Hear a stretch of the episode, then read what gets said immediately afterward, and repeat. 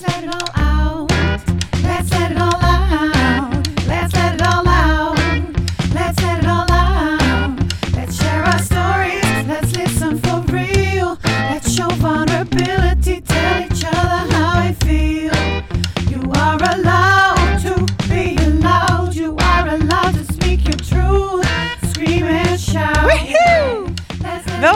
bij een nieuwe aflevering van Let's Let It All Out. Hier maken we het ongemakkelijke en oncomfortabele net zo bespreekbaar als het weer. Mijn naam is Linda Oudendijk en platform Let's Let It All Out is bedoeld voor de jonge vrouw die zonder schaamte of schuldgevoel over taboes en trauma's wil kunnen en leren praten. Let's go en let's talk. Let's let it all out. Let's let it all out. Let's let it all Welkom bij een nieuwe aflevering van Let's Let It All Out. Vandaag is bij mij Frederike Meeuwen. Ze heeft haar debuut Goed Zoals Je Bent net uitgebracht. En het leek me heel gaaf om daar even over te praten. Ja, superleuk. Hoe is het met je? Ja, goed. Ja, gaat eigenlijk heel goed. Ik vond het eh, wel leuk om weer naar, naar Zandvoort te gaan. Ik ben ook eventjes via het, eh, nou niet via het strand, maar wel via de zee, zeg maar. Of tenminste dat ik uitzicht had op de zee. Ja, Even uitwaaien. Leuk. Lekker, hè? zeegeur opsnuiven. kan hier gewoon. Kan hier gewoon. Wij kennen elkaar nog van vroeger. Ja. We go way back. Ja, weet jij nog wanneer het was? Nee, ik wilde aan jou vragen, eh, weet jij welke leeftijd dat was? Nou, ik weet wel, het was Anything Goes, toch? Ja, musical. hè? Anything Goes, musical Ja, cursus. Goes. En dat was dan ergens, ja, rond 2001 of zo, 2002. Oh ja, grappig toch? Ja. Lang Tien jaar geleden. Twintig jaar geleden. Oh my god. Twintig Oké, jaar. we gaan snel door. Ja. Gefeliciteerd met je mooie debuut Goed Zoals Je Bent. Ja.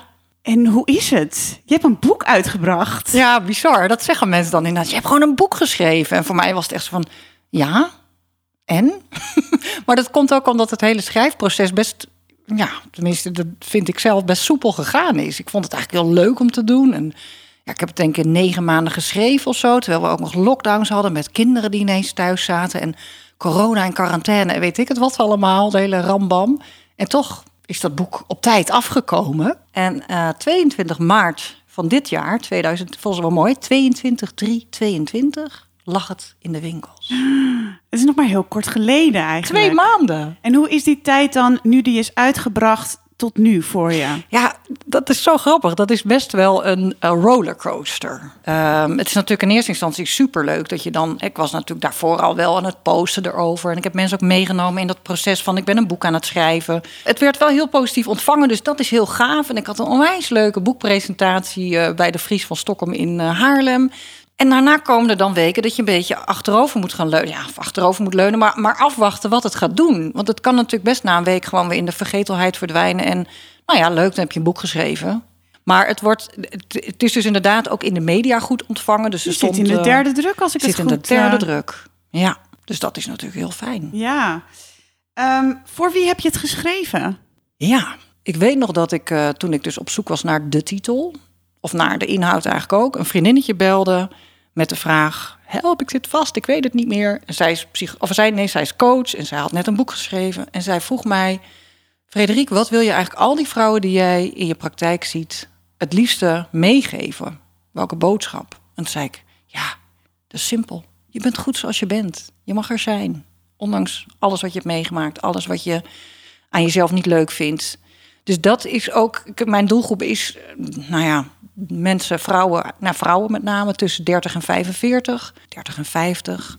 Maar eigenlijk zou ik het wel alle vrouwen mee willen geven. Want ik merk ook al dat ehm, jongere meiden het lezen. Ik heb bijvoorbeeld een cliënt van 50 waar haar dochter het eh, op tafel zag liggen. En die zegt: Mam, eh, dat spreekt me wel aan. Ziet er wel eh, cool uit. Mag ik het lezen? Spreekt, die titel spreekt me ook aan.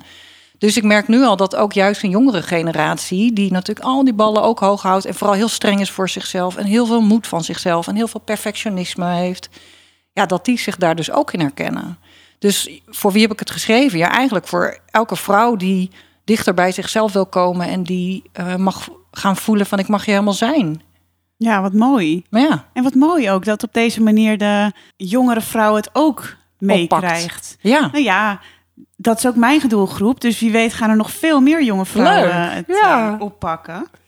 Ik heb het boek gelezen. Het ligt, zoals Oprah zegt, het heeft de laatste tijd op een nachtkastje ge- gestaan, gelegen. En ik vind het een hele fijne afwisseling van jouw verhaal, jouw kwetsbaarheid, eh, verhalen van cliënten en ook oefeningen waar je dus direct mee aan de slag kunt.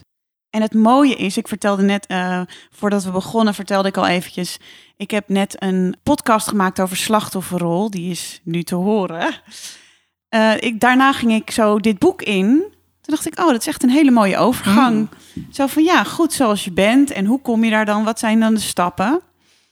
Eh, je zegt net al iets over de maatschappij en ballen hoog houden. En ja, hoe, dan? Hoe, doen we dat? hoe- al die ballen omhoog houden. Nou, dat gaat dus ook heel vaak niet goed. ja, nou ja, wat ik al zei, dat gaat dus heel vaak niet goed. Dan blijven we dat maar proberen, omdat we het gevoel hebben dat we eh, mee moeten doen, of dat we druk van buitenaf voelen, of dat we ook alle mogelijkheden zien en alle kansen willen grijpen. Soms ook gestimuleerd hè, door ouders die het misschien zelf niet die kansen hebben gekregen. En dan gaan we heel hard ons best doen om dat allemaal voor elkaar te krijgen. En daar zitten natuurlijk ook heel veel leuke dingen bij, dus die willen we ook allemaal niet missen. En jonge mensen hebben misschien ook wel last van fear of missing out, wat je dan hoort. Ehm, maar op een gegeven moment merk je dat dat, dat niet meer lukt. En dat, eh, ja, ik, beschrijf in het boek ook, eh, op het moment dat je je meer inspant, moet je eigenlijk ook meer ontspannen, omdat je die balans anders kwijt bent. En op het moment dat je meer en meer gaat doen, wat je natuurlijk heel veel ziet in de maatschappij, gaan we niet ook meer ontspannen. Dat vergeten we gewoon. Bovendien is daar dan ook geen tijd meer voor. Ja, want als ik nu kijk naar de maatschappij, eh, tenminste wat je meekrijgt. Dus bijvoorbeeld door social media alleen al en door het nieuws. Duurzaam, je moet duurzaam zijn. Eh, je moet goed voor jezelf zorgen. Je, hebt, eh, je moet een baan, je sociaal moet je ook nog on point zijn. Met iedereen in contact blijven. En er zijn verwachtingen. Dus ja, hoe ga je daarmee om? Ik heb toevallig net nog een post eh, op Instagram gezet over je eigen pad volgen. Want dat gaat eigenlijk hierover, hè, dat je bij jezelf mag blijven. Ik denk dat het allereerst heel belangrijk is om het op te merken. Alles begint met bewustwording. Dat je, en meestal begint dat, of ontstaat dat op het moment dat mensen klachten gaan krijgen. Hè? Dat ze kort lontje, of niet lekker in hun vel, of vaak verdrietig, of heel emotioneel. En dan weet je van, hé ja, dat gaat eigenlijk niet zo lekker. Wat ben ik nou eigenlijk aan het doen? Of somber, is ook zo'n eh, symptoom van dat het niet lekker gaat. En dus dat zijn de eerste tekenen om serieus te nemen. En niet dan te denken, nou, ik zet nog wel even door. Want eh, de buitenwereld of overal wordt verteld hoe je het moet doen. Als ik maar harder mijn best ga doen, dat is dan de overtuiging, dan komt het wel goed. Maar ga maar juist wat minder hard je best doen. En ga maar eens even een stapje terug doen of stilstaan. En die signalen serieus nemen van, ja, waarom ben ik dan eigenlijk zo somber? Of waarom heb ik geen zin meer in mijn studie? Of waarom heb ik zo vaak ruzie met mijn partner? Of waarom schreeuw ik tegen mijn kinderen? Dat zijn echt, dat zijn echt de signalen die ik tegenkom, waardoor mensen doorhebben van, ja, maar dit wil ik niet meer. En dan is het juist zaak om, ja, ik noem dat dan terug naar jezelf. En dat is natuurlijk een beetje vaag, van hoe doe je dat dan? En soms is het letterlijk gewoon te gaan zitten en te gaan voelen. En dan Bij kan je jezelf zijn, zeg je. Wat houdt dat? nou ja, dat is natuurlijk dat je uh, meer zicht wilt krijgen op de. Nou ja, zo kijk ik ernaar. Hè? Uh, je patronen die je ontwikkeld hebt in je leven. We worden allemaal geboren als, zoals ik er naar kijk, als een blanco wezentje, wat nog bij wijze van spreken alle kanten op kan. Wat heel kwetsbaar en open is, maar ook heel zachtaardig. En nou ja, alles uh, is oké. Maar ja, dan bouwen we al heel snel allerlei beschermlaagjes op om ons te weren tegen dat wat er in de buitenwereld gebeurt. En dat is ook helemaal niet erg, want we hebben die beschermlaagjes ook nodig. Maar die beschermlaagjes worden wel gevoed door opvoeding, door wat we meemaken op school of ervaringen die we opdoen. En daar zitten minder leuke en leuke ervaringen bij. En met name die minder leuke ervaringen zorgen ervoor dat we uh, ja, een soort van muurtje om ons heen bouwen, of bescherming die op jonge leeftijd dan heel nuttig kan zijn, omdat ze je nou ja, bijvoorbeeld beschermen tegen uh, geschreeuw thuis, of tegen pesten, of tegen een slechte beoordeling op school, ik noem maar wat. Maar waarvan we op volwassen leeftijd soms kunnen denken, ja, als je daar dus bewust naar gaat kijken, van is dit nog steeds wel helpend? Is dit hoe ik door het leven wil gaan? Of ben ik nog steeds zo hard bezig om die prestaties te leveren? Of ben ik nog steeds bezig om iedereen naar de mond te praten, omdat ik die pleaser vroeger hard nodig had, omdat ik anders misschien wel gestraft werd of niet mee mocht doen? En ehm, is dat wat ik nog steeds wil? Dus dat bedoel ik met jezelf beter leren kennen. Is dus eerst kijken welke patronen heb ik in mijn leven opgebouwd. En werken die nog steeds? Of zou ik misschien wel wat anders willen gaan uitproberen? Uh, ik heb natuurlijk in dat boek ook de metafoor van de bus gebruik ik. Van welke kanten zitten voor in je bus en welke zitten meer achterin. Of zelfs misschien helemaal weggestopt in de kofferbak. Ja, welke eigenschappen of persoonlijkheden of Ikken. ikken, inderdaad. Ja. Ja. Ja, en dat is voor heel veel mensen een hele heldere metafoor van, oh ja, zo kan je er naar kijken. Hè? Bepaalde kanten of ikken, zoals dat in Voice Dialogue wordt genoemd, die zijn heel erg gestimuleerd, die mochten er zijn of die hebben me beschermd. Dus logisch dat die voor in die bus zitten en af en toe dat stuur overnemen. En andere kanten die mochten er niet zijn of die werden afgestraft en die zijn afgedropen naar de achterbank of zelfs helemaal in de kofferbak beland. Maar op het moment dat je bijvoorbeeld uh, volwassen bent en je raakt overspannen en je hebt altijd heel sterk met je perfectionist, je pleaser en je pusher uh, door het leven gereisd. En die hebben jou geholpen om hier te komen, om dingen voor elkaar te krijgen, om die promotie te maken. Op een gegeven moment uh, gaat, loopt dat emmertje over. En je grenzensteller en je levensgenieter zitten ergens ver achterin. Ja, dan komt er een moment dat je denkt, jeetje, maar waar zijn ze gebleven? Ik heb ze nodig, want ik kom niet meer tot rust. Dat lijf dat wil niet meer stoppen met uh, de, de, de, adrenaline blijft maar stromen. En ik blijf maar op dat gaspedaal drukken. Ja, dan zul je een grenzensteller nodig hebben of een levensgenieter die weer zegt van joh, even, uh, nou, chill. Gaan ze lekker op dat strand lopen hier.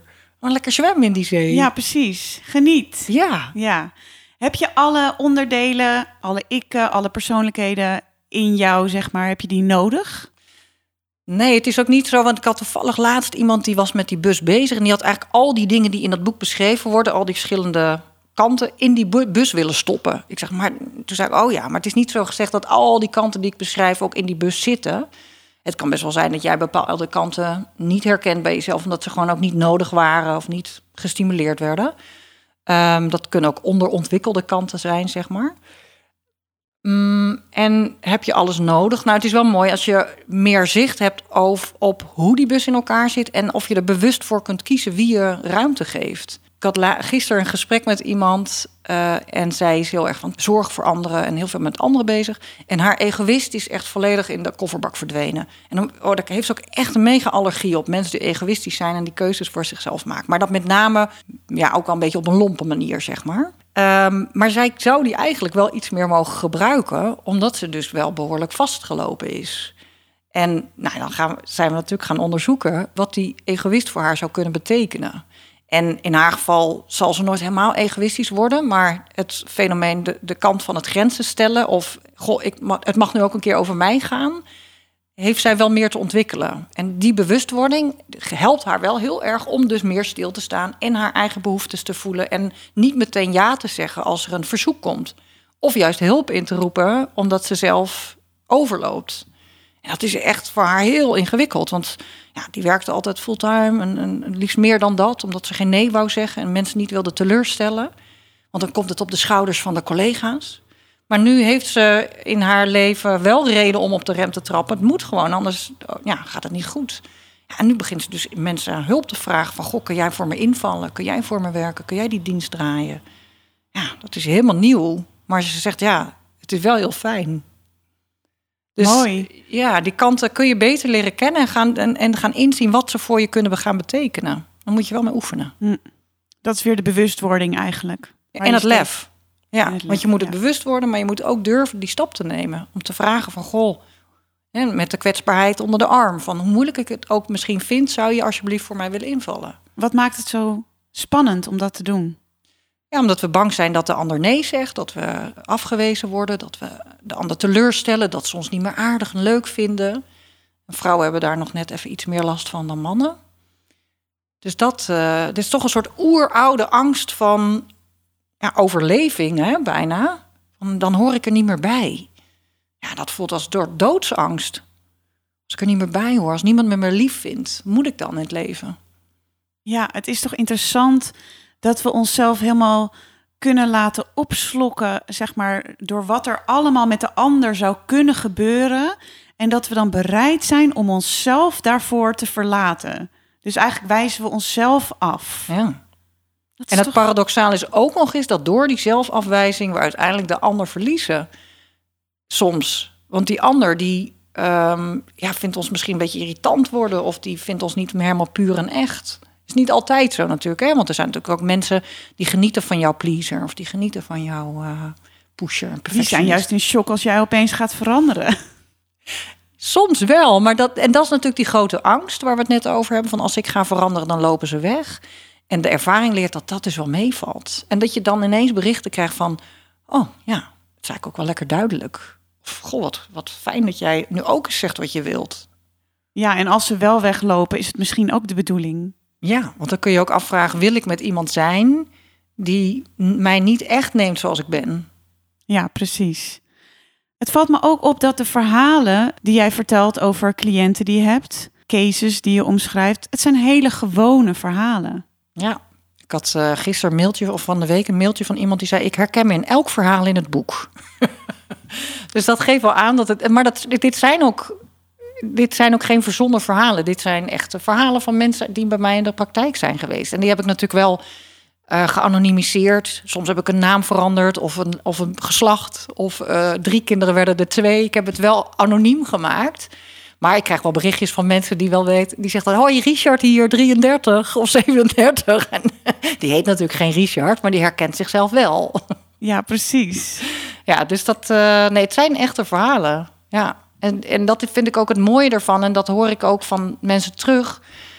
En dat wil ik ook eigenlijk wel bereiken met dit boek. Die herkenbaarheid. Jij, ja, als jij dit verhaal herkent, het mag er zijn. Door dit te beschrijven en dit oud en die open te brengen, wil ik eigenlijk zeggen van het is oké. We hebben het allemaal. Laten we er gewoon maar over praten. Laten ja, we erover precies. uit. Let's let it all out. Let's let it all out. Precies. Want dat is ook hetgene wat mij altijd opvalt als mensen naar mij toe komen. Dat ze zich afvragen of het wel erg genoeg is. Ja, weet je, ach, anderen hebben het veel erger dan ik. Of eh, wat is er nou aan de hand? Voor de rest gaat alles zo goed. Ja. Dus ze bagatelliseren het heel snel. Ja. Maar door dan dit soort verhalen ook te lezen, kunnen die mensen misschien wel denken van... hé, hey, maar dat heb ik ook. Oh, dus blijkbaar kan ik daar ook mee naar iemand die begeleiding kan geven. Nou, ik zie het ook als. Want er wordt inderdaad ook dan over een luxe probleem soms gesproken. Hè, van eh, ja, nou ja, zo erg is het ook allemaal niet. En wie ben ik nou, wat jij zegt? En ik zeg dan wel eens van ja, maar wat is dan bijvoorbeeld het effect op je leven? Hè, niet alleen op, van jezelf, maar eh, het functioneren op je werk of in vriendschappen of nou, noem het allemaal op. En wat heeft ook bijvoorbeeld het effect op andere mensen, die collega's, eh, die dan weer. als jij op een gegeven moment uitvalt, dan hebben die collega's, die moeten allerlei dingen overnemen. Dus hoe belangrijk is het dat jij dit nu serieus neemt? Ehm, maar ook je kinderen. Ja, wat geef je je kinderen mee als je de hele tijd als een stresskip rondloopt? En die voelen ook die spanning. En vaak hoor je ook moeders van... ja, maar ik wil eigenlijk het goede voorbeeld voor mijn kinderen zijn. Dus dat ripple effect is heel groot op het moment dat jij naar jezelf durft te gaan kijken... en jezelf het gunt. Ik noem het ook heel vaak, gun je het jezelf om hiermee aan de slag te gaan. En dat betekent niet dat het alleen maar leuk is, want het is geen pretreisje. Want je gaat ook echt, je moet natuurlijk wel wat aangaan. Maar durf je dat proces aan te gaan en gun je het jezelf? Want uiteindelijk eh, heeft dat een, ook echt een groot effect op anderen. Ehm, en wat mij ook opvalt, is dat mensen zelf vaak niet kunnen inschatten wat de gevolgen kunnen zijn als ze er niet wat mee gaan doen. Hè, dus hoe vaak ik niet ook mensen die op het randje van een burn-out zitten.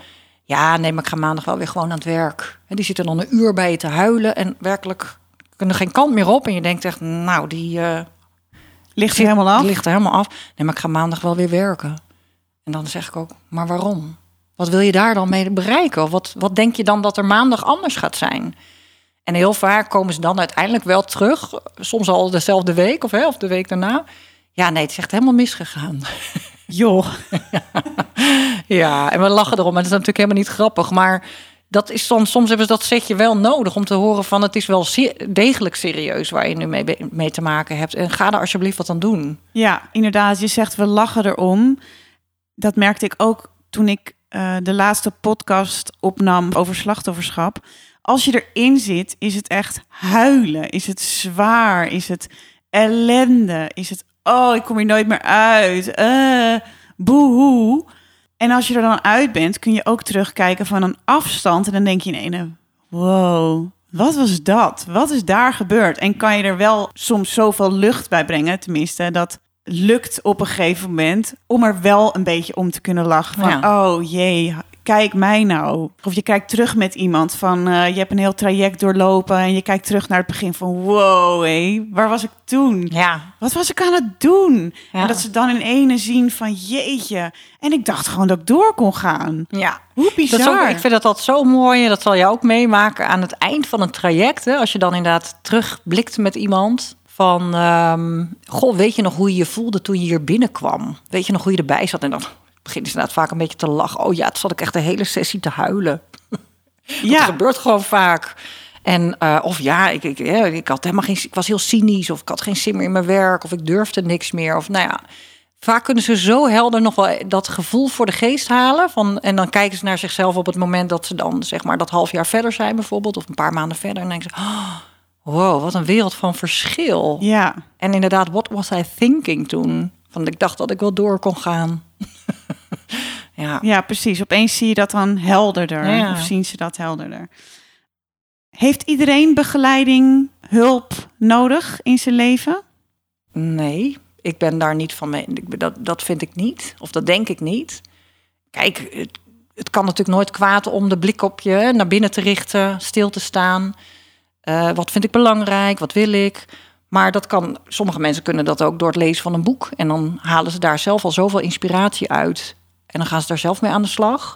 Het zijn vaak wel mensen die zelf bijvoorbeeld eh, een achtergrond hebben als coach of psycholoog. Maar die hebben ook vaak natuurlijk al wel het een en ander gedaan aan eh, therapie of zelfontwikkeling.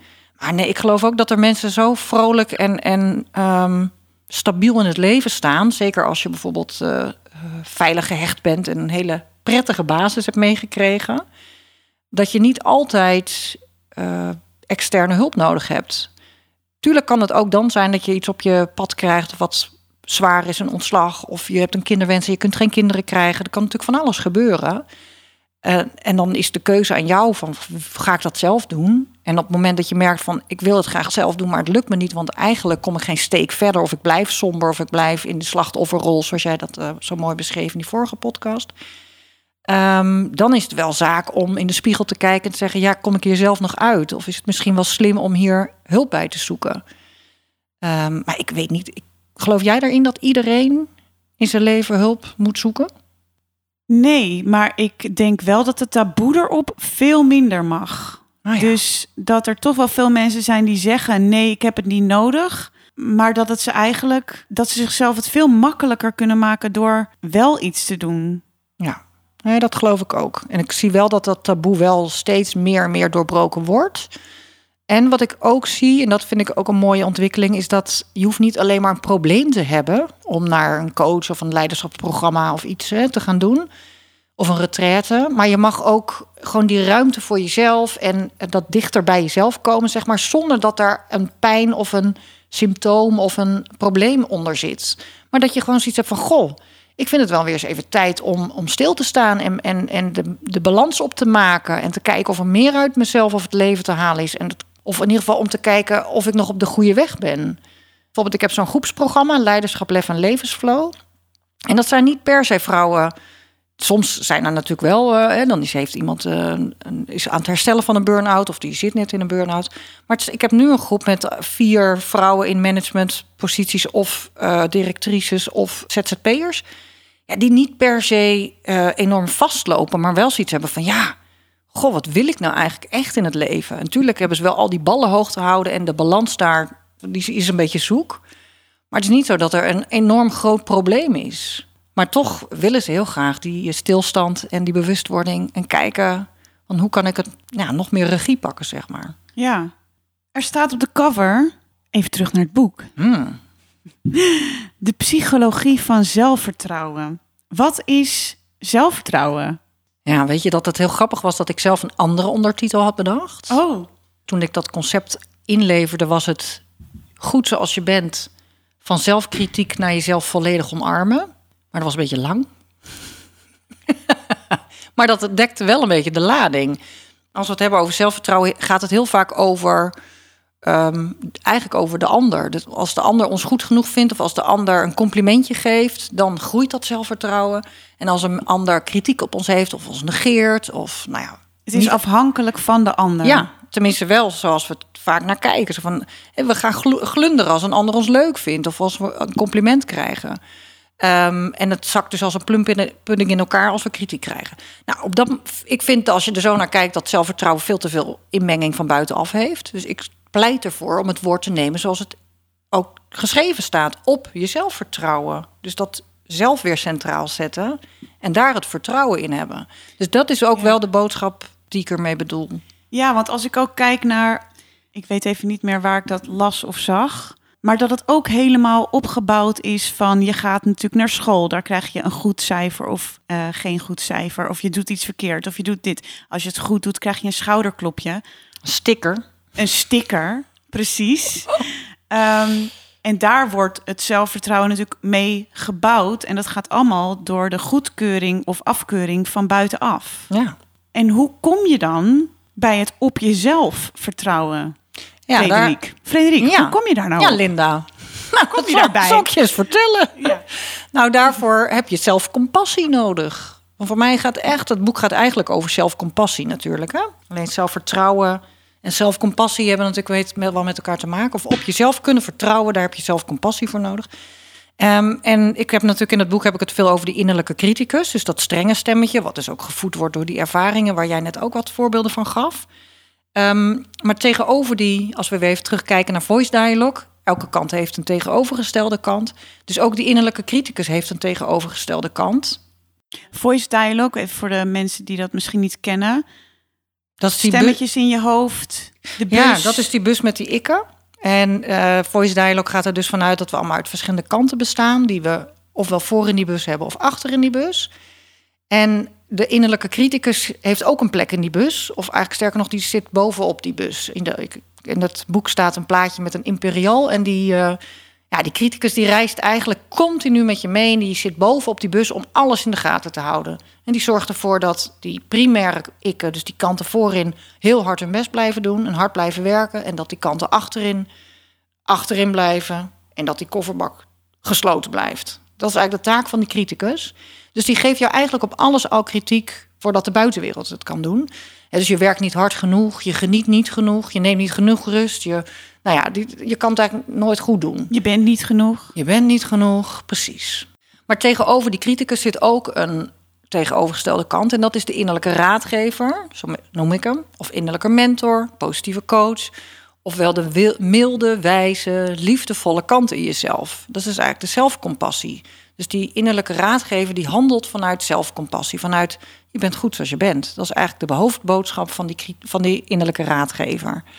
En ik vergelijk het ook wel eens met je eigen beste vriendin. Als je iets naars meemaakt, eh, kritiek krijgt, of je wordt afgesnauwd, of je wint iets niet wat je zou willen winnen en je voelt jezelf een loser, dan zou jouw allerbeste vriendin, liefdevolle beste vriendin, die zou nooit zeggen: Ja, maar je bent ook een enorme loser. Wie denk je nou wel niet dat je bent? Nee, dus die, die zegt heel andere leuke dingen. Dus om meer op jezelf te vertrouwen, heb je die lieve kant nodig. Van, oh ja, die heeft ook niet zoveel met de ander te maken. Want of de ander jou nou wel of niet aardig vindt, die innerlijke raadgever, die zegt: Meisje, het geeft niet. Je mag er gewoon zijn. On- ondanks het feit dat Pietje, Jantje, Klaasje, Truusje jou misschien even niet zo aardig vindt. En hoe kom je daar dan? Want is dat dan de stem... ehm, dan is het alsnog een stem die jou zelfvertrouwen geeft? Ja, ik werk niet alleen daarmee. Het is enerzijds inderdaad de, de, de tekst, zeg maar, of de, de stem, de woorden. Maar het is ook het mogen voelen. Dus ik werk ook graag met visualisatieoefeningen. Er zit ook in het boek een visualisatieoefening. Ehm, Die is geweldig. Ja, Ja, die vind ik heel leuk. die met eh, dat je met die handjes. Handjes. Ja, ja, ja. Ja. Die, die hebben. Ja, mensen, dat, daarvoor moet je het boek natuurlijk kopen. Want eh, we kunnen natuurlijk niet elke opdracht uitgebreid gaan voorlezen. Eh, maar er zit een hele mooie visualisatie in, waardoor je zelfliefde op een hele fijne en eigenlijk eenvoudige manier kunt ervaren. Ja. En ik moet er wel bij zeggen, dat schrijf ik ook in het boek hoor. Ik, heb dat niet eh, eh, zelf verzonnen. Die komt uit een boek van Edith Eger van De Keuze. En ik heb hem wel helemaal uitgeschreven. Zij benoemt het in een therapie die zij met iemand heeft, dat zij die oefening doet. En ik werk sowieso al heel vaak met visualisatieoefeningen. Ik heb ook heel veel een database met heel veel oef- visualisatieoefeningen. Dat zijn eigenlijk een soort luisteroefeningen, meditaties. En deze heb ik uitgeschreven, dus in het boek. En ik heb hem trouwens, volgens mij heb ik ook een opgenomen versie. eh, en, en mijn klanten die eh, mogen altijd eh, gebruik maken van die database. Maar die, ja, dat, daarvoor krijg je even helemaal het gevoel dat je er helemaal mag zijn. Dus dat je bij jezelf bent. Ja, het gaat echt voor mij echt ook heel erg. Want je moet. Mensen zeggen heel vaak wel: ik weet het wel, maar ik voel het niet. Dat komt zo vaak voor. En als ik kijk naar hoe de maatschappij nu is, is het ook iets wat we echt opnieuw te leren hebben, voelen. Ja. ja, we zijn zo met ons hoofd bezig. We zijn zo ja, gedrild, natuurlijk ook door wat we op school leren, om cognitief bezig te zijn, te analyseren. En dat is ook een heel mooi instrument, laat we eerlijk zijn, dat willen we ook niet kwijt. Maar we zijn contact met het lijf eh, echt een beetje verloren. Terwijl vroeger hadden we dat lijf, hè, dat, dat gaf ons allerlei signalen. Geeft het ons nog steeds, maar vroeger deden we daar wat mee. hè, In de oertijd of in of de latere tijden. Maar dat is eigenlijk steeds minder geworden. Is dat dan eigenlijk wat er gebeurt, zoals je het nu zegt? We ontkennen wat we voelen of we luisteren niet naar wat we voelen, waardoor het verergert, verergert, verergert, waardoor we onszelf verliezen. plegen, plegen. Ja, en verliezen. Ja. Is gevoel de manier, de sleutel om terug te komen bij jezelf? Ja. Ja, je lijf vertelt zoveel. En ik denk wel dat het een combinatie is met je hoofd hoor. Want je kunt voelen en met je hoofd kan je er ook woorden aan geven. Hè? Of kan je. ehm, ja, ik denk die combinatie. Dus als jij signalen in je lijf hebt, dat kan, dat kan spanning zijn, dat kan pijn zijn, eh, stress. Dat kun je echt voelen in je lijf. Dat is ook dat eilandje van voelen. Als je beschrijf in het boek een eiland van voelen en een meer van lijden. En voelen is eigenlijk het voelen in je lijf. En het meer is het denken. Of de, de, ook bijvoorbeeld de slachtofferrol of de paniek of de... Nou ja, alle belemmerende gedachten die niet helpend zijn, zeg maar. Dat is het lijden. En door weer terug te komen op dat eiland... en echt je, je aandacht in je lijf naar je lijf te richten... en rustig te ademen en te voelen... waar zit die spanning dan? Wat voel ik daarbij? Mag dat er gewoon zijn? Zonder er een heel verhaal van te maken... En soms kun je ook gaan vragen van waarom zou ik me nou de hele tijd toch zo gestrest voelen? Laat ik eens eventjes eh, naar mijn leven gaan kijken. Wat speelt zich dan allemaal af? En 9 van de 10 keer weet je dan direct wat, eh, wat de oorzaak is. Het is ook een van de redenen wat ik hoor van de mensen die dus bij mij komen, of juist daardoor niet bij mij komen. Ik ben zo bang wat ik ga tegenkomen. Ja, ze zijn bang voor een soort beerput waar een deksel van afgaat. Ja. Ja. En dat gebeurt eigenlijk niet. Tenminste, mijn ervaring is niet dat eh, mensen. Tuurlijk gaat er wel eens een beerput open en voel je dingen die spannend zijn of die verdrietig zijn. Maar dan is de ervaring dat het doorleven van die pijn. En als je dat bij iemand doet die, daar, hè, die jou daar veilig in kan begeleiden. Dan is dat alleen maar heel erg fijn. Want dan kom je dingen tegen die je altijd weggestopt hebt. Die ervoor zorgen dat het blijft sluimeren. En dat, je, hè, dat die klachten alleen maar erger worden. Die mag- mogen ineens gezien worden. En daar komt ruimte voor. En die krijgen dan de ruimte om te helen. En waardoor ze uiteindelijk dus ook weer de ruimte krijgen om ja, weer als een golf in de zee weg te spoelen, zeg maar. Het ruimt zo erg op. Mooie metafoor Ja, hier aan de zee. ja. Ja, mooi inderdaad. Je spreekt zelf eh, heel openlijk eh, over jouw route naar zelfvertrouwen. eh, naar je goed genoeg voelen, goed zoals je bent. Hoe was dat om zo open te zijn erover in dit boek? En wetende dat iedereen dat onder ogen krijgt. Ja, nou het grappige is, eh, als je aan het schrijven bent, althans zo heb ik dat ervaren, dan ben je daar natuurlijk niet zo mee bezig. Ik, ik zat, er- als ik schrijf, dan kan ik echt in een bubbel zitten en dan in flow. En dan, nou ja, dan stroomt dat gewoon zo uit mijn handen. En tuurlijk ga je dan helemaal kijken of het hoofdstuk klopt en de indeling, bla bla bla. Eh, dat is het praktische stuk. Maar dan staat dat ineens op papier. Ja, nog niet wetende dat anderen dat ook gaan lezen. Dus dan gaat eerst een uitgever dat lezen. En die krijgt, dan, ik krijg daar hele mooie feedback steeds op. Dus dat is, een heel, dat is natuurlijk al heel fijn als je daar mooie reacties op krijgt. Toen weet ik dat ik het aan eh, de hoofdredacteur van Psychologie Magazine eh, stuurde. Die eh, Sterren van Leer, die ging daar die, een quote voor schrijven. Dus moest ze eerst het boek lezen. Nou, ik weet dat ik dat wel echt heel spannend vond. Want toen dacht ik, oh, is dat een van de eerste mensen buiten mijn kring die dat dan gaat lezen? En ik heb het ook aan mijn moeder gestuurd. In november had ik de, zeg maar, de eerste conceptversie af. December 2021. In november. En zij was jarig. En ik dacht, ik ga dat boek uitprinten en strik erom. En dan stuur ik het haar op. Want ik wil wel dat ze het leest voordat het straks in de winkel ligt. Want voor de luisteraar, mijn moeder komt er ook in voor. En ik dacht, dat moet zij wel gelezen hebben voordat dat on, eh, In nou de schappen ligt. Ja. ja. Nou, gelukkig heb Wat ik een... maakt het zo spannend? Ja, nou ja, omdat het toch heel kwetsbaar is. Omdat ik natuurlijk zeker naar haar toe niet weet hoe zij daarop gaat reageren. En ik heb gelukkig in de loop der jaren steeds betere band met mijn moeder gekregen. Ik heb ook een keer een podcast met haar opgenomen die heel goed beluisterd is. En die ook heel puur en eerlijk is. Eh, wat, waar ik ook onwijs veel reacties op had gekregen dat mensen daar zoveel aan hadden. En juist die puurheid en die kwetsbaarheid. En ik moet zeggen, ik vind dat zelf ook bij mensen prettig om te zien en te horen en te lezen. Dus op het moment dat ik casussen van mensen lees of verhalen die echt zijn, dan heb ik daar wat aan. Dus dat was ook mijn motivatie om ook eerlijk te zijn. Want ik denk, daar gaan mensen gewoon het meeste aan hebben. Ja. En ja, het is spannend, maar dat andere woog meer op dan die spanning. Dus ja, het is spannend dat mensen het kunnen lezen. En eigenlijk vind ik het helemaal prima. En denk ik, ja, ik bedoel, ik ben ook maar een mens. En we hebben allemaal zo'n verhaal. Dus eh, ja, nee, Ja, eigenlijk, die eh, herkenbaarheid kan juist heel veel brengen. ja, Ik kreeg vanochtend nog een berichtje eh, van iemand en die zegt: Ik vind het toch interessant. Wat bezielt je om. ik- ik deel best veel in mijn stories, niet alles. nee. Maar, en ik kies natuurlijk wat ik deel. Maar dat ik zelf even niet lekker in mijn vel zit, kan ik delen online. Wat bezielt je om dat soort dingen te delen? Dan denk ik, ja, als ik er één iemand mee kan helpen van, oh, die Linda die komt zo over op eh, eh, social media en alles is fantastisch. En ik laat even zien dat het helemaal niet zo is en dat ik het soms ook even niet weet. En Ja.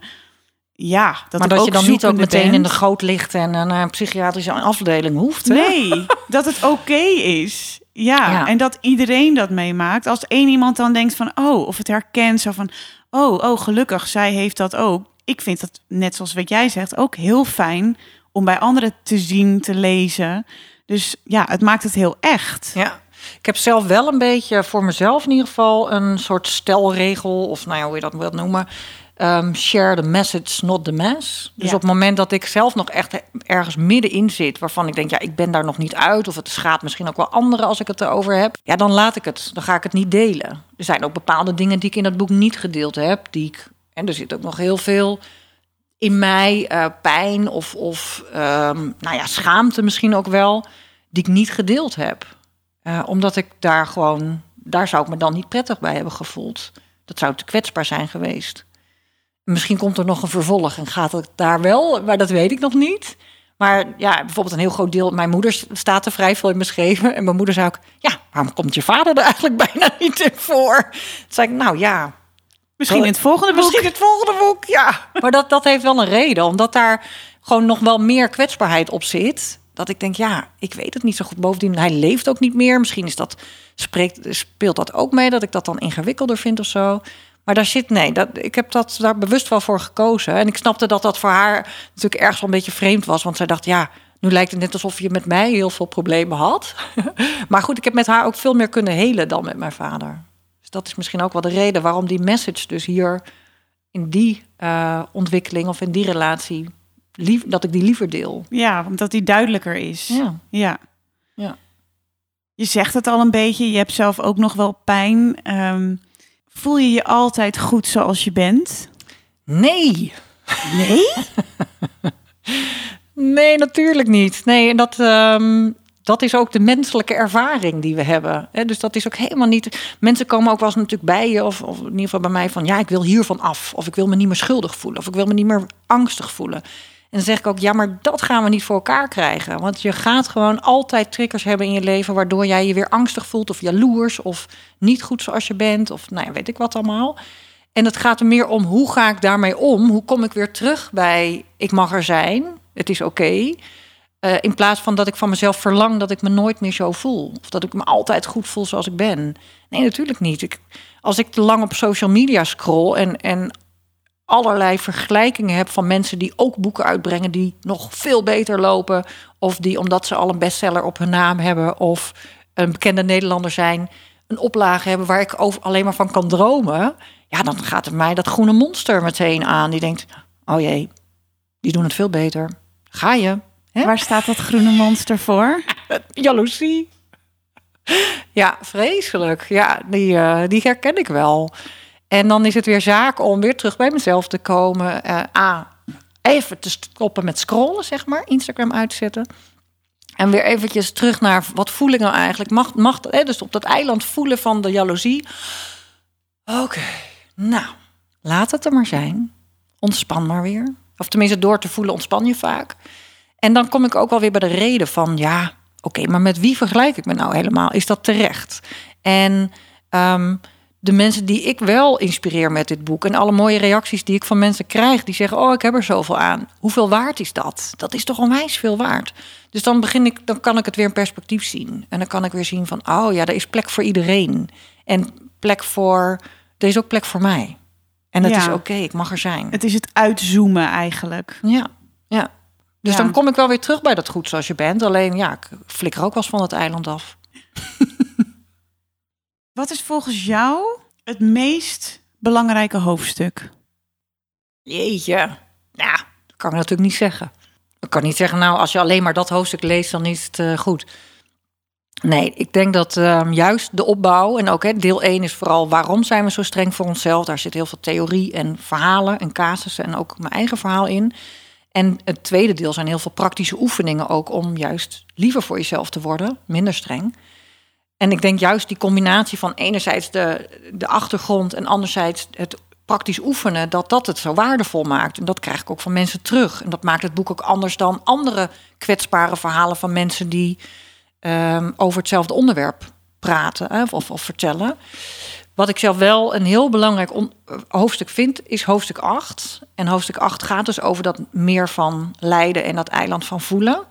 Waarbij we, je echt leert om anders naar dat denken te kijken.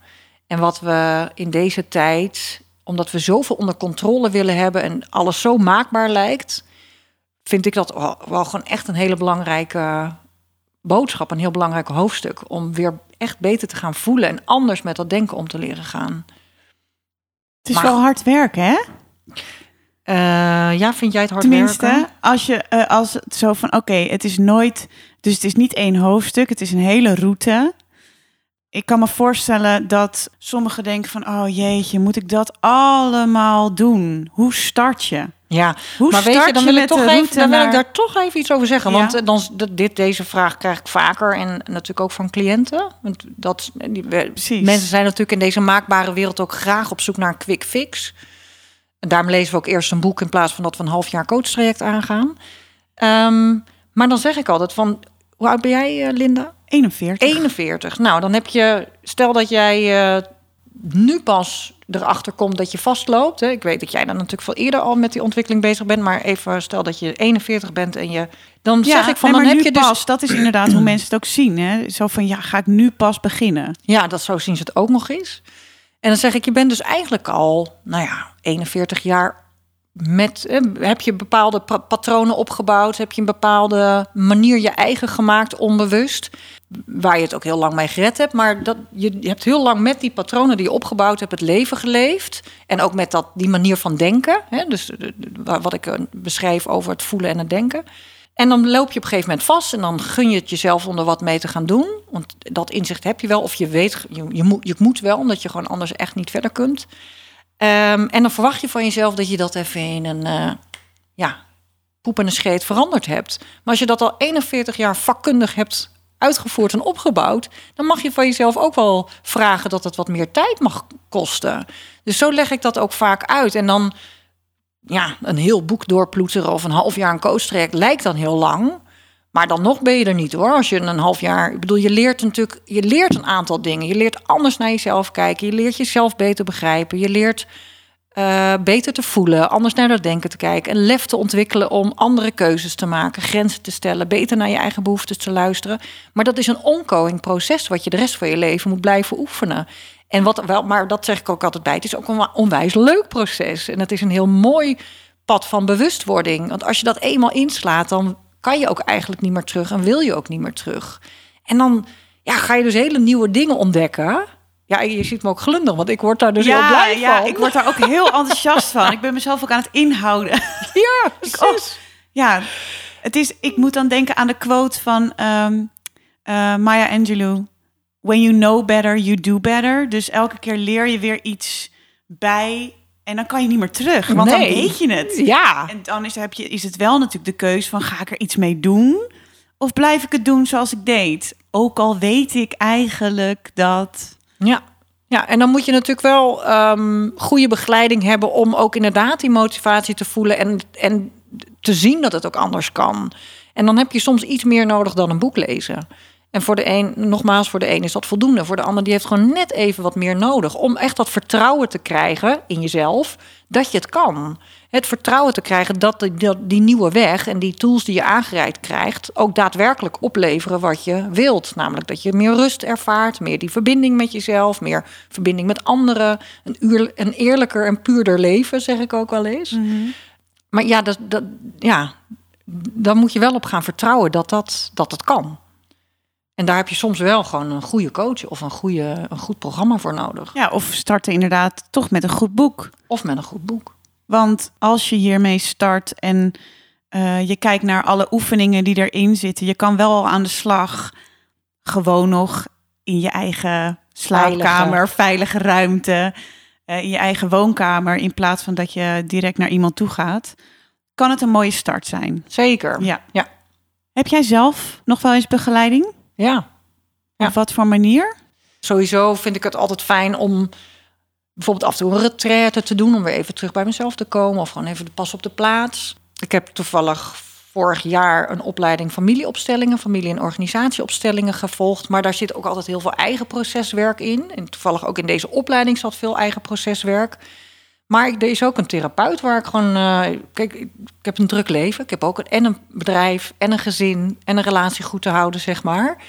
Ehm, en zeker ook met lockdowns en quarantaines heeft dat de nodige eh, uitdagingen gegeven. Dus op een gegeven moment zijn wij, eh, ben ik samen met het gezin ook bij iemand terechtgekomen om ons weer eens wat handvaten te geven van hoe gaan we nou wat beter met elkaar om? Want het is niet zo gezellig thuis, ook door al die lockdowns. Wel ze er gewoon echt een hoop stress. En die dame, die, eh, die zie ik nu zelf één keer in de maand. Ga ik naar naartoe. Want ik vind dat heerlijk. Denk ik, ja, iedereen komt altijd bij mij natuurlijk met zijn verhaal, wat ik heel leuk vind. Maar ik wil eigenlijk ook wel eens mijn verhaal kwijt bij iemand. Dus daar kan ik dan gewoon echt lekker achteruit leunen en gewoon op tafel gooien waar ik, wat ik wil. Soms is dat business gerelateerd, soms is dat, gaat het over het gezin, soms gaat het over mezelf, nog een stuk uit het verleden. En wat geef je jezelf dan? Eh, bestaansrecht. Ja, Mooi. ja, ik mag daar zijn. En zij heeft bijvoorbeeld, ik heb haar ook, eh, ik benoem het ook dat ik af en toe naar een therapeut ga. Dat schrijf ik op een gegeven moment ergens in dat boek. En zij heeft ook ehm, het, stukje over op de grens verschijnen. Dat vond ik zo mooi dat zij dat, hè, dat ging over. Ik, zij, zij citeert mij dan als ik daar ben en dan weet ik zelf niet meer dat ik dat verteld heb. Maar toen zei ze: Ja, wat jij een keer gezegd hebt, dat vond ik zo mooi dat je het zo moeilijk vindt soms om je kwetsbaar op te stellen. Of dat je die, ja, dan moet je weer verschijnen met die kutkwetsbaarheid. Schijn ik zo gezegd te hebben. En zo van, oh, is het nou nooit een keer klaar? En toen zei ze, ja, dat vind ik zo mooi. En dan, want dat is eigenlijk dat je je hand uitsteekt naar iemand. Hè, als je je kwetsbaar toont, dat je je hand uitsteekt in de hoop dat iemand die hand pakt. Maar wat als hij dat nou niet doet? Dan sta je daar met je kutkwetsbaarheid. En, ehm, en zij zegt van die hand uitsteken, dat is op de grens verschijnen. Dat is hier sta ik, dit is mijn grens. En die grens kan zijn tot hier en niet verder, maar het kan ook zijn help me, pak mijn hand, want ik kan het niet alleen. Hmm. En ik vond dat zo mooi, Mooi. dus dat heb ik ook beschreven. Volgende keer bij de volgende druk zal ik, eh, ik heb het gevraagd van vind je het leuk als ik je naam noem? Zei ze, ja, maar dat mag je best doen.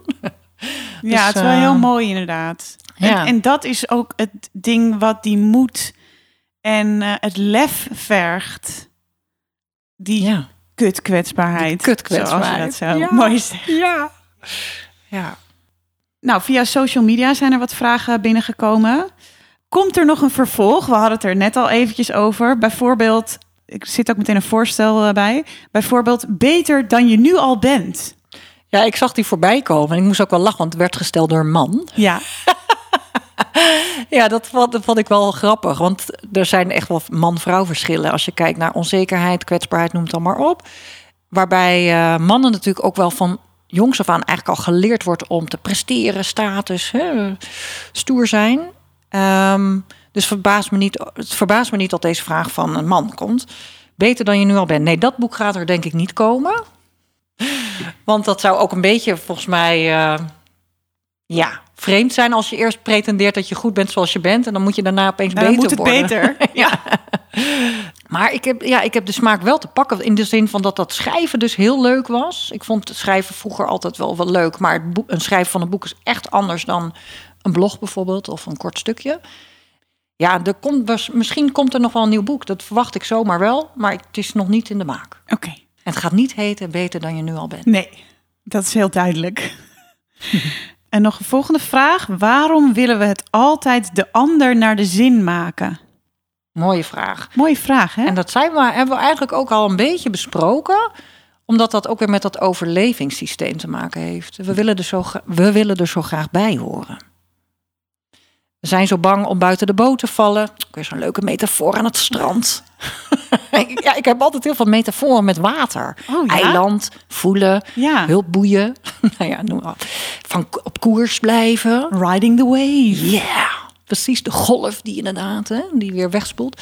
Ehm, nee, maar we hebben dus inderdaad dat overlevingssysteem. Ik schrijf in dat boek ook een heel stuk over hoe dat angstsysteem werkt. Het, het ang- stressresponssysteem, angstsysteem, overlevingssysteem. Ehm, en zeker als vrouw hebben we heel, hè, we worden ook geleerd: wees maar aardig, wees maar lief, eh, zorg dat je erbij hoort. Vroeger bij de grotten moesten we het ook gezellig hebben, want dan zaten we met al die vrouwen besjes te plukken en zaadjes en nootjes te zoeken. Ja, dan wil je dit gewoon gezellig hebben, want anders moest je in je eentje gaan zitten. Nou, dat is niet leuk. We zijn uiteindelijk toch die kuddedieren, dus we willen er graag, graag, bij horen. En dat maakt dat we gaan pleasen. Ja, want dat is het eigenlijk, pleasen. Altijd de ander naar de zin maken. Alleen is het dan wel dat je dus jezelf verlaat. Het kan natuurlijk wel het de ander naar de zin maken, als je dan maar bij jezelf blijft. Precies. Ja, Dat is als het je ook jezelf naar de zin maakt. Ja, ja. precies. En dan wordt het uiteindelijk veel leuker. Hè? Als jij het naar je zin hebt en daarmee eh, vanuit die positie en dat gevoel verbinding maakt met de ander, dan heb je echt verbinding. Als jij alleen maar in je hoofd kijkt, als jij nu als nu je mij interviewt alleen maar bezig bent met de volgende vraag of hoe komt het over, dan raak je weg. En dan zie ik het ook aan je, dan raak je hè, uit verbinding. Zo werkt het in coaching bij ons vak natuurlijk ook. Als ik niet met mezelf in verbinding ben in mijn coachpraktijk, ja, dan heb ik geen goede sessies. Moet eerst weer bij mezelf komen om verbinding met jou te kunnen maken. Ja, Maar dan ontstaan de mooiste dingen. ja, precies. Ja, dan kan er een soort van flow ontstaan en dan hoef je ook niet meer te denken, want dan komt het allemaal gewoon. Ja. Ja, Ja, dan gaat je intuïtie ook spreken. Hè? Krijg je weer contact met dat onderbuikgevoel. En dan komen poppen de beste ideeën op. ja, precies. Het verschil tussen eh, mannen en vrouwen als het gaat om zelfvertrouwen, die vraag die stond er inderdaad ook nog tussen. En je zegt het net al een beetje, nou ja, je zegt net al een beetje van het verschil tussen man en vrouw. Zou je dat nog eventjes kunnen samenvatten van wat is het verschil? Ja, mannen hebben van nature hebben ze sowieso wat meer zelfvertrouwen. Zijn wat minder bezig met wat anderen van ze vinden. En wat minder bezig met dat pleasen. Het is ook wel zo dat je als man wat meer mee hebt gekregen dat je het maar zelf moet doen of dat je stoer moet zijn. Dus dat maakt ook wel dat mannen het misschien wat moeilijker vinden om aan de bel te trekken. Maar er zijn ook wel wat wetenschappelijke verklaringen waarom vrouwen minder zelfvertrouwen of vaak onzekerder zijn dan mannen. En enerzijds is dus dat de- opvoeding.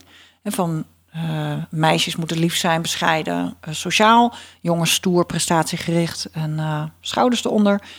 Ehm, maar mannen hebben bijvoorbeeld ook meer testosteron. Dus dat is een hormonale verklaring eigenlijk. Waardoor ze, en dat testosteron zorgt er gewoon wel voor dat je je nou, steviger in je schoenen voelt. En dat hebben ze bijvoorbeeld uit onderzoek van transgenders ontdekt. Dat vrouw naar man transgenders, die kregen testosteron toegediend. Om dus die mannelijke mannelijkheid eh, nou ja, te gaan ontwikkelen. En die voelden zich dus veel zekerder. Die hadden minder last van faalangst. Die waren niet meer zo bezig met wat anderen van ze dachten. Dus dat is een ja, hormonale verklaring, zeg maar, waarom mannen ja, meer vertrouwen hebben in zichzelf. Maar ook de positie van de vrouw en man, als je kijkt naar. We leven natuurlijk toch wel echt in een mannengedomineerde wereld. Al heel lang, al heel veel eeuwen. Misschien nog wel veel meer dan dat. Waarin vrouwen gewoon stelselmatig onderdrukt werden. Ehm, die hadden geen kiesrecht, die hadden geen recht van spreken. Die werden op de brandstapel gegooid als. Die zijn natuurlijk heel lang echt als minder gezien. Er werden uitspraken door Schopenhauer, Goethe, weet ik het wat voor filosofen en, en mannen allemaal die de vrouw als een soort van achterlijk beschreven. En die waren, hadden, eh, eh, die moesten maar de kinderen opvoeden, want ze waren zelf eigenlijk nog een kind. Dat soort uitspraken zijn gewoon, ja, die staan gewoon in de literatuur. Dat vonden ze op die, in die tijd heel normaal. Dus op het moment dat je als vrouw die boodschap meekrijgt... en ook omdat je fysiek minder sterk bent... eigenlijk niet echt in opstand kan komen... ga je dat natuurlijk gewoon... je gaat je daarna gedragen. Want je kan niet veel anders als je onderdrukt wordt. Dat geldt natuurlijk nu in allerlei andere eh, groeperingen in de wereld ook. Als je onderdrukt wordt, ja, dan kan je niet zoveel anders... dan dat juk maar te dragen en je daar maar aan te conformeren. Want het is veel te spannend om daar tegen in te gaan... Ehm, als je kijkt naar sprookjesboeken, de mannen zijn de prins of de koning. En vrouwen zijn stiefmoeders of heksen, stiefzusjes. Die zijn gemeen. Of ze moeten gered worden. Of ze moeten gered worden door die sterke man. Het wordt wel nu doorbroken, inderdaad. Maar eh, ja, Het wordt doorbroken en gelukkig is het tegenwoordig heel anders, maar nog steeds zijpelt het door. Het zit natuurlijk ook. Ik geloof er echt in dat we dat generatie op generatie, dat we dat gewoon overgeërfd hebben gekregen. En dat dat in ons collectieve DNA zit. Dat we dat gewoon nog steeds voelen. Ehm, en ook als je kijkt naar bepaalde eh, bedrijfsvoeringen hè, of, of bepaalde bedrijfstakken, sowieso minder vrouwen aan de top, minder salaris. Als ik kijk naar de advocatuur, ik heb best wel wat eh, cliënten ook die in de advocatuur werken. Daar is het nog zo hiërarchisch. Dat, nou, ik vind dat af en toe echt gênant. Of, of ik kan me daar echt over opwinden ook. Hè, als, als ik zie wat daar gebeurt. Of hoe denigrerend er met vrouwen omgegaan wordt. Onder het mom van een grapje. Moet je toch tegen kunnen. Ja, er is gewoon echt nog een heel groot verschil tussen mannen en vrouwen. En ik denk dat dat een hele grote bijdrage heeft in dat onzekerheidsgevoel van vrouwen. Hm. Gebrek aan zelfvertrouwen. ja. Nog werk aan de winkel. Nog gewerkt aan de winkel. Ja, op de barricade. Ja. Ehm, dan wil ik afsluiten met waar staat in een paar woorden jouw leven leiden bij jou voor? Je eigen leven leiden. Ehm, intunen bij jezelf. Hè, dus terugkomen bij jezelf, voelen. En ongeacht wat er ander ook vindt, maar wel met respect voor de ander, de keuzes maken die voor jou goed voelen. Dat is voor mij je eigen leven leiden. Mooi. Heel erg bedankt. Graag gedaan. Schaamteloos leven. Schaamteloos leven. Ja. Ja, heel erg bedankt. Nou, we sluiten hem hierbij af. Ja, ik vond het superleuk. Dankjewel. Ja, ik vond het ook heel leuk. En eh, ik wens je nog een hele mooie, fijne dinsdag. Dankjewel. Jij ook. Heel erg bedankt voor het luisteren naar deze aflevering van Let's Let It All Out. Wil je weten wanneer er weer een nieuwe aflevering online komt? Abonneer je dan op deze podcast. Door je te abonneren via een van de kanalen als Spotify, Apple Podcasts of Google Podcasts, help je mij mee om nog veel meer jonge vrouwelijke luisteraars te bereiken. Hetzelfde geldt voor een recensie of het delen van de afleveringen. Want hoe meer jonge vrouwen er bereikt worden, hoe meer jonge vrouwen er handvatten krijgen om zich uit te spreken en zich te uiten op een manier die bij hun past. Heb je behoefte aan een besloten groep waarin extra waarde wordt gedeeld en we met elkaar in gesprek gaan? Dan nodig ik je graag uit voor de besloten Facebookgroep van Let's Let It All Out. De link hiervoor vind je hieronder in de podcast en in de biografieën op mijn social media.